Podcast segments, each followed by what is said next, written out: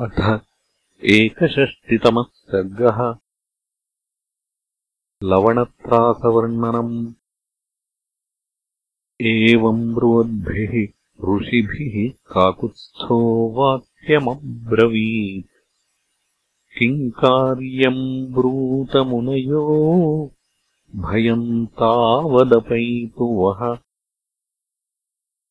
तथा ब्रुवति काकुत्स्थे भार्गवो वाक्यमब्रवीत्। भयानाम् शृणुयन्मूलम् देशस्य च नरेश्वर। पूर्वम् कृतयुगे राजन्दैतेयः सुमहाबलः लोलापुत्रो भवज्येष्ठो मधुर्नाम महासुरः ब्रह्मण्यश्च शरण्यश्च बुद्ध्या च परिनिष्ठितः सुरैश्च परमोदारैः प्रीतिस्तस्यातुलाभवत् स मधुर्वीर्यसम्पन्नो धर्मे च सुसमाहितः बहुवर्षसहस्राणि रुद्रप्रीत्याकरोत्तपः रुद्रः प्रीतोऽभवत्तस्मै वरम् दातुम् ययौ च सः बहुमानाच्च रुद्रेण दत्तस्तस्याद्भुतो वरः। शूलम् शूलाद्विनिष्पृश्य महावीर्यम् महा प्रभम् ददौ महात्मा सुप्रीतो वाक्यम् चैतदुवाचः त्वयायम् अतुलो धर्मो मत्प्रसादकरः कृतः। प्रीत्या परमया युक्तो ददाम्यायुधमुत्तमम्। यावत् सुरैश्च विप्रैश्च न विरुध्येर्महासुर। तावच्छूलम् तवेदम् स्यात् अन्यथा नाशमेष्यति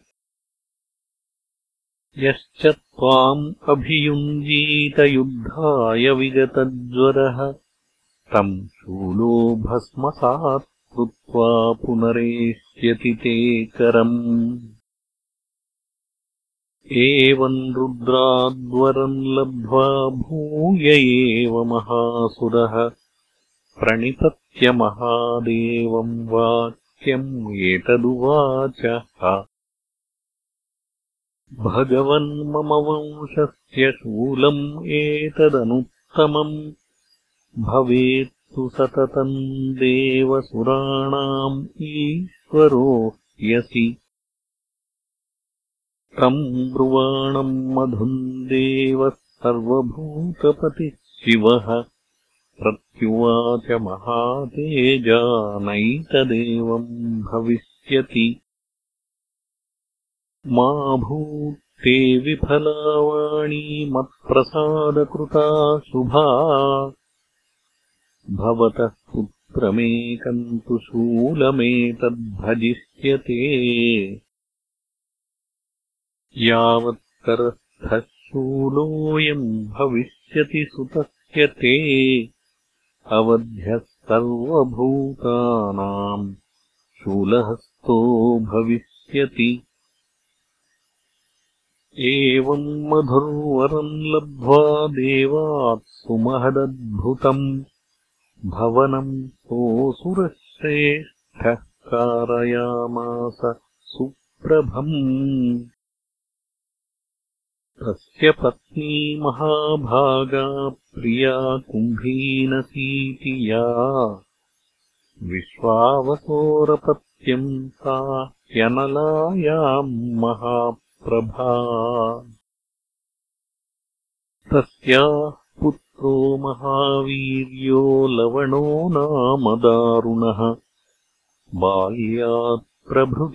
बाल्यात्प्रभृतिदुष्टात् पापान्येव समाचरत् तम् पुत्रम् दुर्विनीतम् तु दृष्ट्वा क्रोधसमन्वितः। मधुः सशोकमापेदेन चैनम् किञ्चिदब्रवीत्। स विहाय त्विमम् लोकम् प्रविष्टो वरुणालयम् शूलम् निवेश्य लवणे वरम् तस्मै न्यवेदयत्। स प्रभावेन शूलस्य दौरात्म्येनात्मनस्तथा। सन्तापयति लोकाम् स्त्रीम् विशेषेण च तापसान्। एवम् प्रभावो लवणः शूलम् चैव तथाविधम् श्रुत्वा प्रमाणम् काकुत्स्थत्वम् हि नः परमागतिः। बहवः पार्थिवा रामभयात्तैः ऋषिभिः पुरा अभयम् याचिता वीरत्रातारम् न च विद्महे ते वयम् रावणम् श्रुत्वा हतम् सबलवाहनम् त्रातारम् विद्महे तात नान्यम् भुवि नराधिपम्। तत्परि त्रातुमिच्छामो लवणाद्भयपीडितान्। इति रामनिवेदितम् तु ते भयजम् कारणमुत्थितम् च यत् विनिवारयितुम् भवान् क्षमः पुरुतम् काममहीनविक्रम।